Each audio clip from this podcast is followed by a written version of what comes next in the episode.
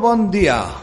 Una setmana més, una vegada més, l'informatiu de Ràdio Mora Nova està aquí amb tots vosaltres. Comença el setmanal. Aquesta setmana, avui dia 3 de maig del 2019. Endavant amb el setmanal.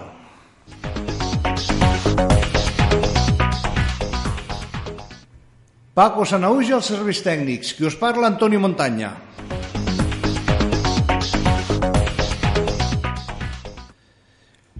Bé, senyors, ja n'han passat una. Ja han passat les eleccions generals. Diumenge passat se va tindre lloc a tota Espanya les eleccions al Congrés i al Senat.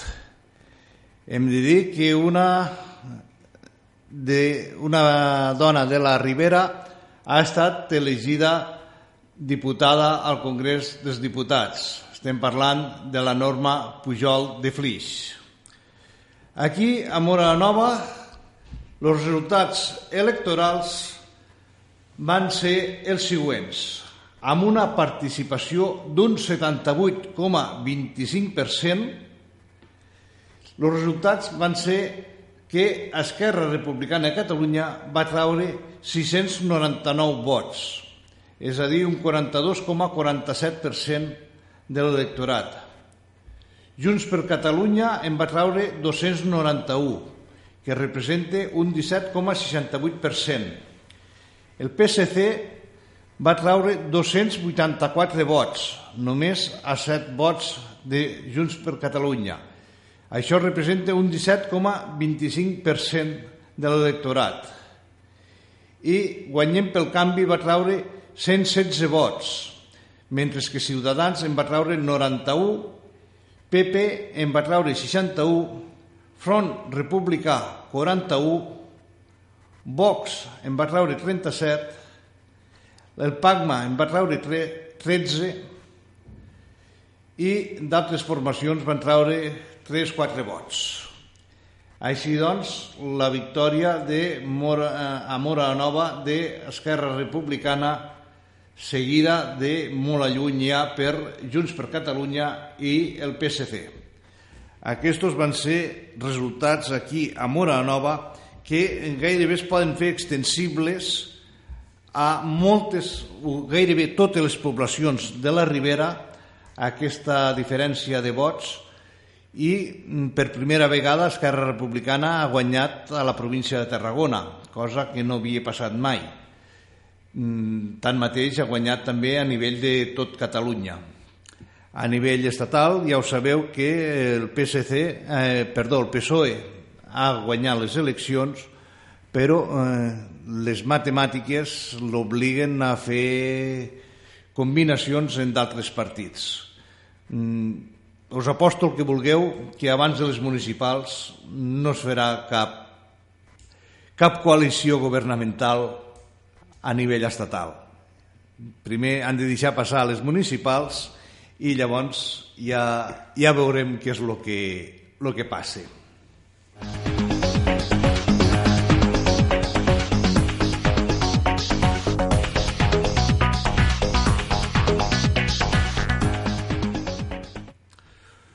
Una vegada més hem de parlar, malogradament, i ho hem de dir així, del macroprojecte que es vol instal·lar a Riba Roja de l'abocador. I és que eh, el tema està entrant ja en unes fases, mm, no diria polítiques, sinó judicials. Hi ha 13 ajuntaments que han presentat una querella contra l'Ajuntament de Riba-roja per eh, tema de concessions d'obres i que les obres actuals no s'estan ajustant al permís d'obra otorgat. Són 11 municipis de la Ribera d'Ebre més dos municipis de la província de Lleida. Tot això mm, ha portat una resposta de l'alcalde de Ribarroja, l'Antonio Suárez, que estudia querellar-se contra els 11 ajuntaments de la Ribera i els dos del Segrià, que impulsen aquest contenciós contra la llicència d'obres. Mm, bueno, mm, ja diem, la cosa ha entrat en un procés de, de difícil mm, enteniment entre els polítics. Mm, jo, tal com dia la presentació, crec que també si no estiguéssim en plena campanya electoral les coses eh, potser se podrien negociar i podrien anar d'una altra manera, però ara tothom li interessa també fer el seu numeret i, i destacar sobre els altres.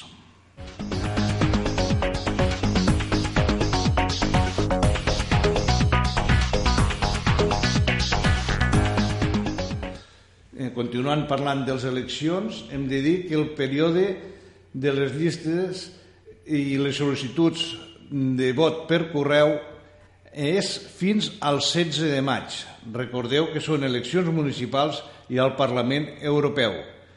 Per tant, si voleu demanar el vot per correu és fins al 16 de maig i aquest vot ha d'arribar abans del 24 de maig.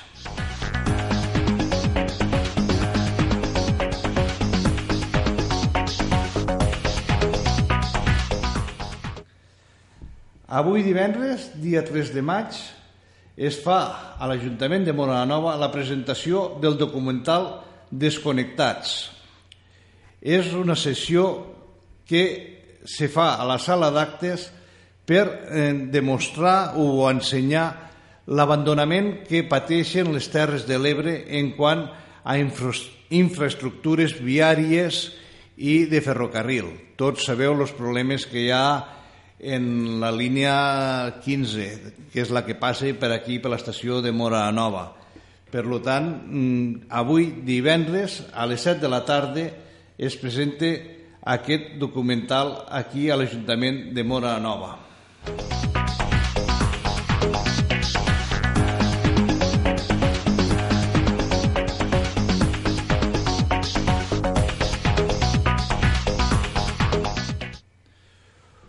Un treball sobre la Fira de Mora Nova va guanyar el desè Premi de Treballs de Recerca sobre la Ribera d'Ebre, que organitza el CERE, el Centre d'Estudis de la Ribera d'Ebre i el Consell Comarcal.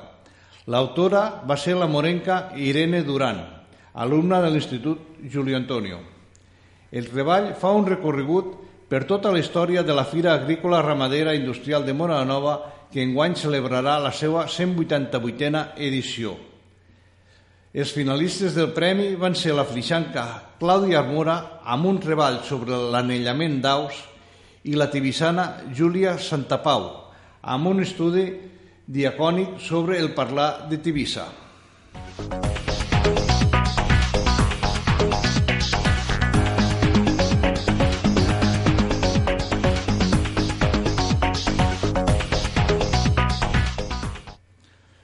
S'ha ficat en marxa el servei d'atenció a l'Associació de Familiars de Malalts Mentals de les Terres de l'Ebre a la Ribera d'Ebre. Qui estigui interessat en aquesta associació es pot ficar en contacte amb el Consell Comarcal de la Ribera d'Ebre.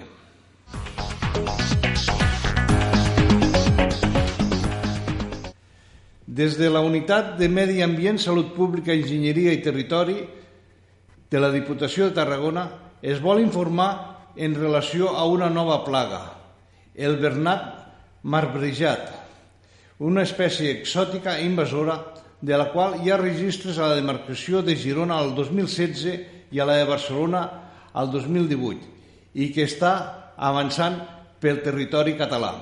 És una plaga que pot afectar gran quantitat d'arbres fruiters i ornamentals, cultius hortícoles i extensius no té afectació a la salut pública, però pot provocar moltes molèsties atès que aquesta espècie a l'hivern pot buscar refugi a construccions i cases.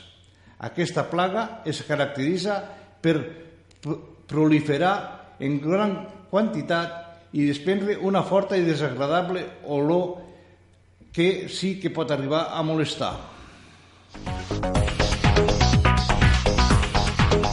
S'està atensant la calor. Ja comença a fer calor aquí a les Terres de l'Ebre i la calor cada any ve acompanyada d'un d'un amic indesitjable, podríem dir, com és la mosca negra.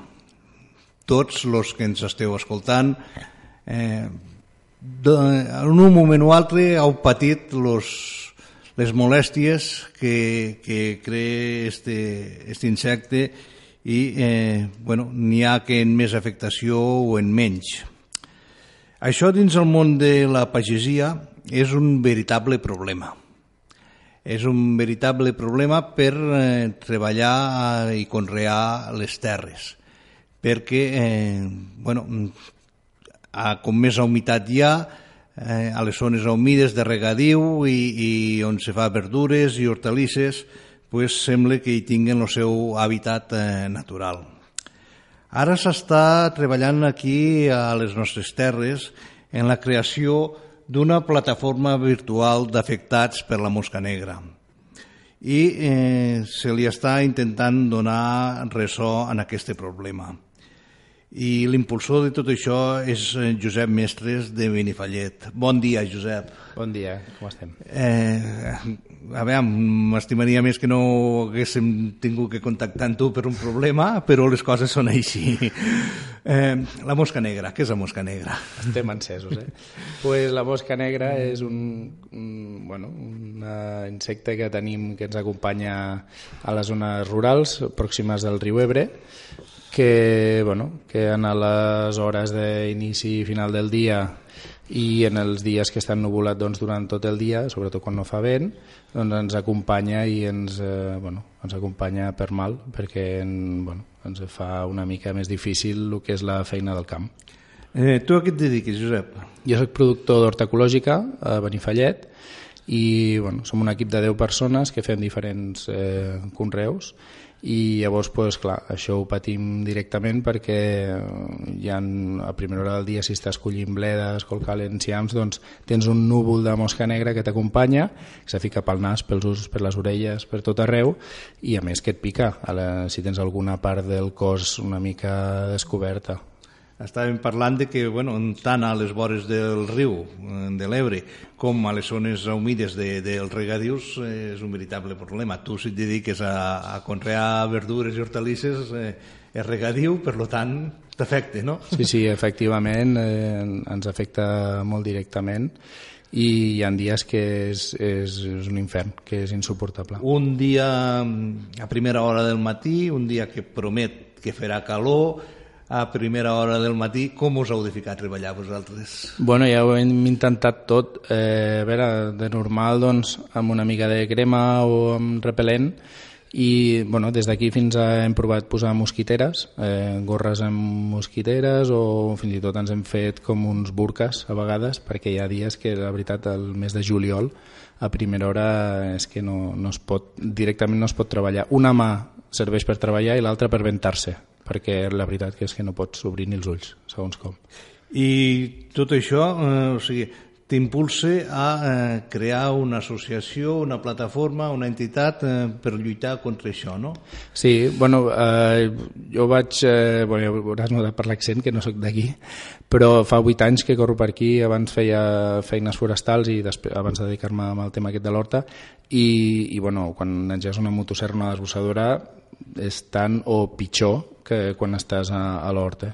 Llavors, aleshores ja bueno, vaig eh, començar a patir els seus efectes i després, eh, doncs, amb el tema de l'horta, doncs, dona cara més. Llavors, bueno, eh, per casualitats de la vida, doncs he mantingut un cert contacte amb, amb els tècnics del Copate perquè venen a fer mostrejos a la finca i, i a l'Ebre i llavors bueno, sempre he estat bastant, perquè m'ha interessat pel tema he estat bastant interessat per, per això i bueno, vist de que la cosa no ha anat a millor, perquè ja fa, em sembla que l'existència de la mosca negra ja fa més, uns 10 anys, com la cosa no ha anat a més, doncs eh, tinc l'inquietud de, de fer alguna al respecte, perquè no pot seguir així això. Vull dir, no, hi ha una solució, vull dir, ja se sap quins tractaments s'han de fer, etc, però la gestió que s'està fent ara mateix no és, eh, no és la més desitjada. De veritat hi ha una solució? Bueno, es pot trampejar. el problema i el que, el que m'impulsa a, a generar a, a constituir aquesta associació d'afectats és perquè no passi el que està passant en guany i és que eh, la solució o diguem-ne la manera de, de trampejar el problema són aquests tractaments, doncs, amb bacillus que mantenen les poblacions en uns nivells més o menys acceptables, però el problema és que amb doncs, l'administració, eh, per, per lo que sigui, per, per si pressupostos, per si que hi ha moltes eh, molts òrgans del govern que hagi, decideixin al respecte, que si la Confederació Hidrogràfica de l'Edro, que si l'ACA, que si hi ha tanta gent implicada, bueno, això és el que sembla, que al final entre uns i altres estem en mes de maig i no s'ha fet cap tractament. Quan se sap, se sap perquè ja fa molts anys i ja es té una experiència al respecte, que els tractaments s'haurien de començar a fer al febrer quan la població comença a pujar. El, els nivells de població que, que tenim ara mateixos, per lo que jo, a veure, no tampoc vull anar d'expert perquè, perquè no sóc un tècnic, eh? però per lo que m'ha arribat, doncs, eh, és més, eh, és més òptim començar els tractaments abans perquè la població no es dispari als nivells que tenim ara mateix. I quin és el paper del Consorci de Polítiques Ambientals de les Terres de l'Ebre, el COPABE? Ah, bueno, a veure, aquí ja, jo encara això no, no ho domino eh, molt perquè, clar, lògicament jo de moment sóc un afectat i, i la meva Perquè impotència em, gener, em, em fa doncs, doncs començar a moure'm per haver de ficar el dit a la llaga del problema perquè veig que, que no es fa lo suficient com per encarar-ho com s'hauria d'encarar, perquè al final sí que hi ha de moment hi ha un, una solució al problema, que potser se'n podrien trobar d'altres, però de moment hi ha una solució, però no s'està aplicant com s'hauria, perquè, eh, però per problemes administratius, no per problemes científics, per problemes biològics, sinó per un problema administratiu. I això és el que penso que és intolerable i és amb això amb el que em penso que podem millorar perquè en tot això a veure, anys enrere no, es, no era massa conegut em suposo que l'afectació del canvi climàtic eh, hi té alguna a veure també en això Bueno, jo no, jo no gosaria entrar en això. Jo penso, per lo que diuen, eh, i repeteixo, no sóc un expert en la matèria, per lo que diuen, el canvi en l'ecosistema del riu ha vingut donat per les bones pràctiques de, de l'aigua que s'han anat eh, fent, per exemple, la instauració de depuradores, etc. No? Llavors, també el fet de que hi hagi doncs, menys sediment al riu, però sobretot el fet que hi hagi depuradores, l'aigua baixa més clara i llavors l'hàbitat de la mosca en, en l'estat larvari, eh, que es donen els macròfits, que són les plantes que hi ha dins del riu, doncs ha anat a més. I és per això doncs, que sembla ser, sembla ser que és per això que, que hi ha hagut aquesta explosió de, ja, de la mosca. Eh, tu que coneixes el tema, hi ha algunes plantes que concentren, tinguen més concentració d'insectes de, a l'hora de fer verdures, hortalisses? Ah, uf, bueno, això, clar... Has, has ficat abans l'exemple de les bledes.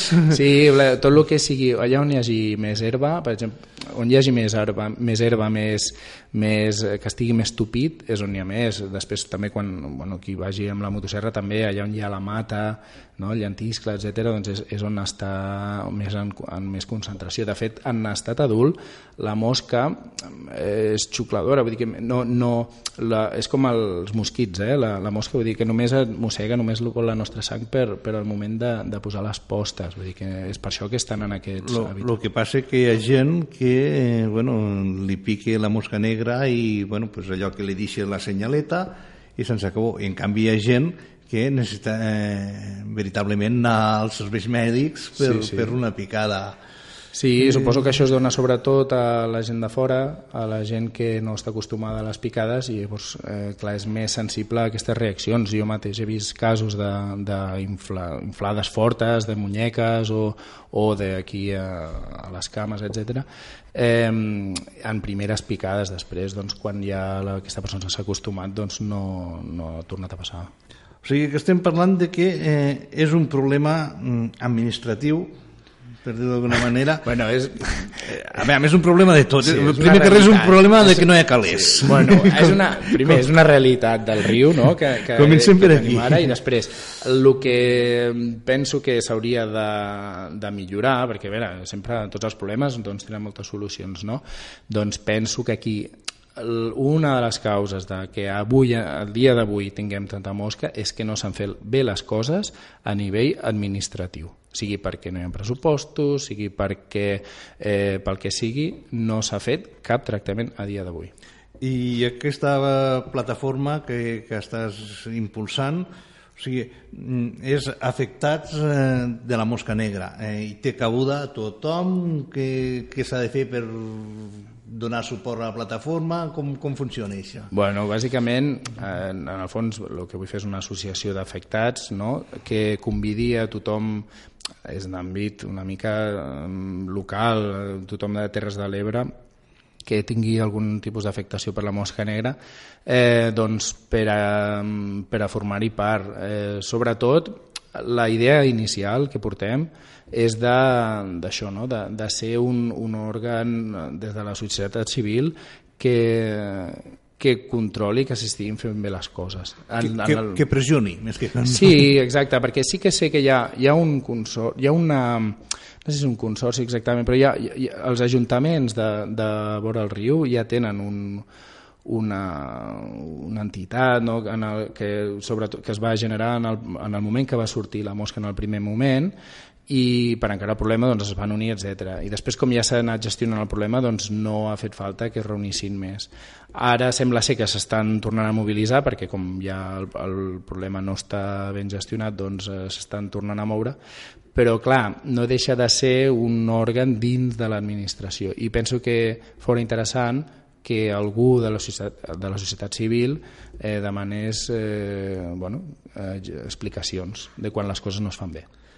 Eh, lo riu, que és font de vida, ho hem de dir així, i hem de reconèixer que eh, sense el riu no d'allò, però mm, últimament està creant molts problemes. Lo, lo carga el poma, la mosca negra, el musclocebre, eh, les algues, que, que hi ha trams del riu que, que estan plenes de tot això com se pot eh, regenerar, per dir d'alguna manera, el riu? Com, com... Bueno, jo ja sé, ja sé un agricultor... Ets un, ets un pagès, però a vegades la intel·ligència dels pagesos és molt superior a, a la d'alguns enginyers. No, no, no gosaria jo ficar-me en temes d'aquests, però eh, a veure, sí que està clar que la realitat del, del nostre entorn varia, no?, amb, amb diferents... Eh, amb respostes de l'activitat humana Llavors, bueno, l'aparició de la mosca negra ha estat en part per aquesta activitat humana, com hem dit abans, perquè l'aigua baixa més clara, però mm, no sé, no, no sabria dir-te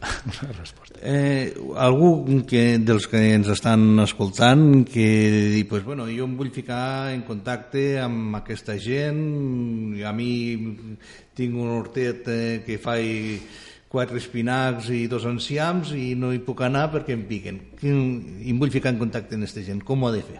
Doncs, de moment, el que tenim, bueno, sense ser associació, però és una cosa que vaig obrir l'any passat quan rabiava que no sabia què fer, mm, hi ha una pàgina al Facebook que es diu Plataforma Virtual d'Afectats per la Mosca Negra, on eh, doncs, convido a tothom a dir la seva, a desfogar-se, a posar fotos, a posar vídeos de com li està picant la mosca, de com inflada té la cama, etc. I llavors a partir d'aquí jo penso quan farem l'associació utilitzarem aquesta plataforma doncs, com a vincle i com un punt de comunicació entre la gent que en vulgui formar part. Perquè a l'hora de fer aquesta associació, quins requisits eh, necessites? Bueno, no, és una associació com qualsevol altra, que hi ha president, tresorer, secretari, vocals i ja està. Vull dir, és una manera, l'associació al cap i a la fi és una manera d'agrupar-nos eh, jurídicament i tenir una mica d'entitat de, a l'hora de demanar explicacions de, a l'administració. D'aixecar la veu. Sí, a veure, no deixa de... Després en pic... Jo crec aquest seria l'objectiu principal, eh? Després doncs també podem, més endavant, més a saber si podem fer una pàgina web, doncs fent recomanacions, eh, doncs fent campanyes de pues, sensibilització de quan pica o quan no pica, etc. Eh, també de fer una mica visible el problema però sense causar el terror i espantar tothom com forma que no vingui ningú aquí a fer turisme perquè és tan terrible, vull dir, és terrible segons l'àmbit i segons l'hora, vull dir, és un problema que, que els que el sabem gestionar doncs més o menys es pot trampejar, bueno, al, al camp difícil, eh? però, però diguem-ne s'ha de, no, no és la fi del món, eh? tampoc voldria no, aquí fer cap espant eh, i que la gent de, tot d'una digui oh, el delta està ple de mosquits i, i riu amunt ple de mosca negra, no, no hi néssiu. No, No, no los, és la idea. los eh? que vivim aquí ho aguantem. Sí, exacte, vull dir que ho aguantem i sabem doncs a la nit no n'hi ha ni una i quan fa una calor que es patega tampoc, eh? vull dir que també... Sí, eh, abans sempre es dia que per anar a treballar a la terra pues, s'havia de matinar. Ara, ara sembla que s'ha canviat una mica el rol, no? Sí. Perquè ara, pues, eh, segons quines activitats, eh, o sigui, fer servir una segadora o així, eh, jo personalment, fins que no siguin les 12 i més dia, no l'agarro. Sí, sí, no, no, és, és, és complicat. Sí, se'n gira les, les tornes. Sí, Se'n sí. girat les tornes i a la tarda, quan comença a fer fresca, també torna a augmentar la població Sí, sí. d'aquestes El juliol és el pitjor, el, el juliol, que és quan jo trobo que és el moment màxim de d'afectació, és terrible, que fa calor durant el dia i a la tardeta i a les 8 del vespre que dius anem a fer la cerveseta a la terrassa és el moment que surten i, i bueno, és, és una mica eh, difícil. Pues bé, eh, lamentablement, perquè ho hem de dir així, eh, hem tingut que donar a conèixer un problema, perquè eh, l'ideal hauria sigut que ens haguéssim conegut pel producte que fas i no pels problemes que tens per fer aquest producte. Però, eh, a veure, estem aquí per informar la gent i eh, pues, bueno, ja ho sabeu de sempre que eh, nosaltres intentem donar ressò als moviments que hi ha aquí a les nostres terres per intentar assolir un millor nivell de vida i indiscutiblement si poguéssim eliminar la mosca negra s'assoliria un millor nivell de vida, no? almenys de treball. Sí, sí, no, això està clar. És que hi ha, hi ha moments que semblem que estiguem a l'Àfrica, eh? la veritat. Dir. pues, Josep, eh, nosaltres t'agraïm que estigues aquí, eh, te deixem un moment més perquè pugues dir, eh, que ja ho hem dit durant l'entrevista, algú que es vulgui ficar en contacte amb tu, amb la, la plataforma que estàs impulsant, com ho ha de fer? Doncs que entri a la pàgina del Facebook, que es diu Plataforma Virtual d'Afectats per la Mosca Negra, i a partir d'allà doncs, bueno, eh, que, que digui alguna cosa en algun missatge, fica un vídeo, una foto, i si no, igualment, quan constituirem l'associació, ho publicarem aquí i llavors anirem informant i tothom que vulgui apuntar al carro, doncs benvingut.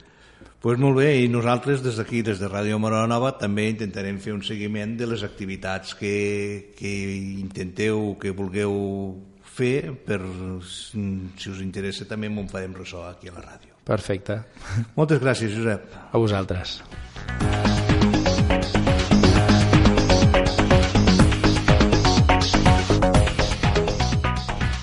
Cap de setmana passat vam tenir eleccions, ja ho sabeu. El diumenge vam tenir eleccions i també vam tenir durant el cap de setmana la festivitat de la Mare de Déu de Montserrat amb la presentació d'una nova geganteta aquí a Mora Nova. Aquest cap de setmana també tenim festa. Festa, podríem dir, aplaçada perquè corresponia al diumenge passat, però amb motiu de les eleccions es va traslladar aquesta setmana. I és que se celebra la 33a Diada de l'Ermita de Sant Pau, aquest cap de setmana aquí a Mora Nova. Demà dissabte, a les 7 de la tarda, missa al temple parroquial. A continuació, pujada de la imatge de Sant Pau a l'ermita. En arribar, s'oferirà una xocolatada popular. A les 11 de la nit, haurà una rebella popular amenitzada per divertimúsic. Hi ha el dia pròpiament dit de l'ermita, el dia 5 de maig, a les 11 del matí hi ha el concurs infantil de dibuix. A les 12 la missa cantada. A la una la ballada de sardanes. A les 2 de migdia la benedicció del ranxo ofert per l'Ajuntament. I a les 5 de la tarda el ball popular. A tot això hi col·laboren la Creu Roja de Mora la Nova i Divertimúsic. Haurà servei de bar dissabte a la tarda, al vespre i el diumenge. I haurà també, per part de l'Associació de l'Ermita, venda de coques i mocadors. Així mateix hi haurà venda de, de truites, pinxos, organitzat pel col·lectiu de dones. Això és aquest cap de setmana la festa de l'ermita de Mora la Nova. Hem de dir que, continuant en activitats culturals, a Mora d'Ebre, demà dissabte, en el marc de la primavera cultural, tindrà lloc a les 5 i mitja de la tarda a la residència Nazaret un recital de cançons d'autor, música tradicional i coneguda amb Carles Blanc. És una eh, activitat cultural que organitza la residència Nazaret demà dissabte a les 5 i mitja de la tarda.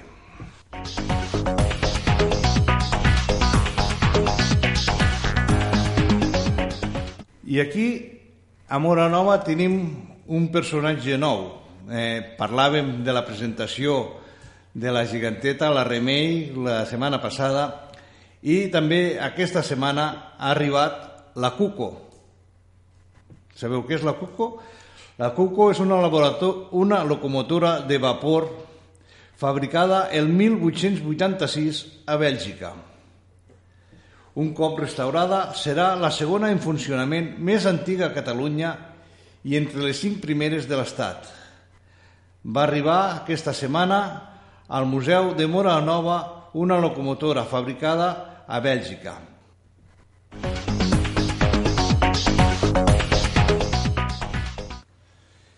Entre algunes de les activitats que es fan pel nostre voltant aquest cap de setmana tenim la continuació de la sisena Bienal d'Art de Corbera d'Ebre. Eh, demà dissabte eh, hi ha la visita guiada al poble vell de Corbera a les 5 de la tarda, mentre que a les 4 haurà un taller de dansa contemporània i també eh, haurà a les 7 i mitja la presentació del llibre Lo tocante d'Aimar Pérez Galí. Llavors, a les 8 i mitja de la tarda, a l'església del Poble Vell, hi ha cabaret de Cir. Tot això són activitats de la sisena Bienal d'Art de Corbera d'Ebre. Per la seva part, a Flix, el dissabte, a les 12 de migdia, a la biblioteca es fa la presentació de Quina canya joguines, un llibre de Miquel Jiménez i Biel Pubill, a càrrec de l'associació Tothom a taula. Això és dissabte a les 12 de migdia a la biblioteca de Flix. Per la seva banda, a Riba Roja, el diumenge 5 de maig, es fa la tercera concentració de vehicles clàssics. Això serà el diumenge 5 de maig a Ribarroja.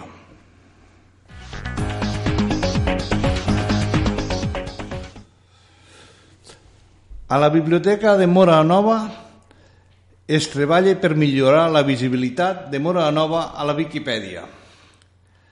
S'han millorat alguns dels articles i s'ha creat de nous com el del cronista Lluís Perpinyà i Castellà, Joan Ramon Casanova, o també un dedicat a l'Ateneu, a l'Escola d'Arts i a Ràdio Moranova. I en la versió castellana s'ha ampliat l'article de Moranova i el Museu del Ferrocarril. La Viquipèdia és una enciclopèdia lliure i col·laborativa i des de la biblioteca s'anime als usuaris i estudiants a que a través de les seves recerques i fonts no disponibles a la biblioteca es pugui anar millorant la qualitat d'aquesta Viquipèdia relativa a Mora Nova.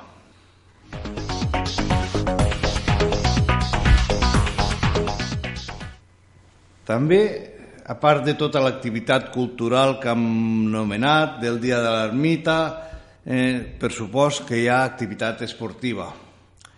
I aquests són els partits que juguen els atlètics de Mora Nova aquest cap de setmana aquí al nostre camp. Hem de dir, avui, divendres, els benjamins es desplacen a les 6 de la tarda al camp de l'Aldeana, mentre que aquí, al nostre camp, demà dissabte juguen els atlètics alevins enfront al Vall de Roures.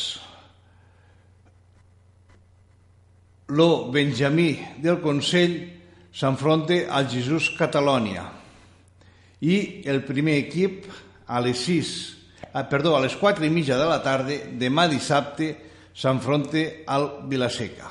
O sigui que els atlètics demà juguen aquí al nostre camp a les 4 i mitja de la tarda enfront al Vilaseca.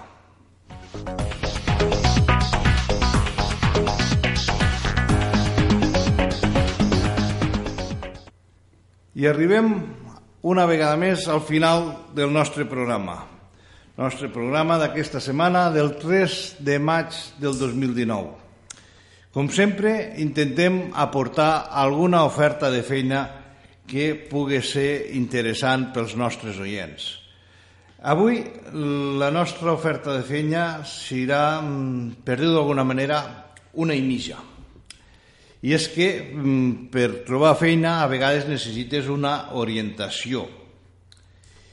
I és que lo, i aquesta orientació, els jovens entre 16 i 35 anys que es troben en procés de recerca de feina i que no tinguin experiència laboral, per amb ells es fa el proper dimarts 7 de maig una reunió informativa per a poder rebre informació. Les inscripcions se fan al Consell Comarcal de la Ribera d'Ebre. Telèfon 977 40 18 51. Això és una xerrada informativa per als jovens de 16 a 35 anys que busquen feina. L'hora d'aquesta xerrada és de 10 a 12 del matí.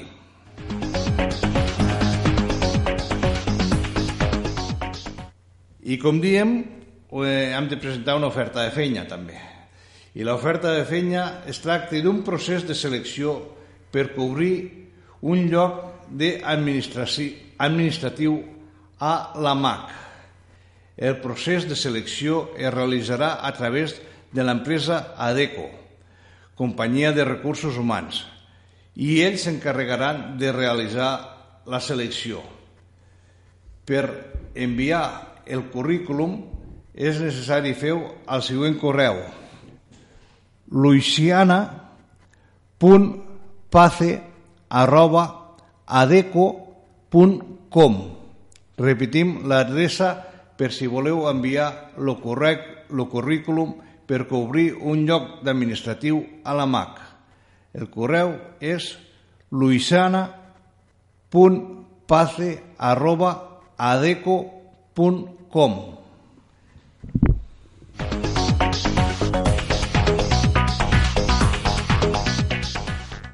I ara sí, ara posem punt i final al setmanal, l'informatiu de Ràdio Mora Nova. Una setmana més hem estat aquí amb tots vosaltres, confiem que les notícies que us hem ofert siguin del vostre interès i esperem tornar a estar amb tots vosaltres i no ens falleu ningú el proper divendres dia 10 aquí a l'emissora de ràdio Mora Nova. Fins al proper divendres.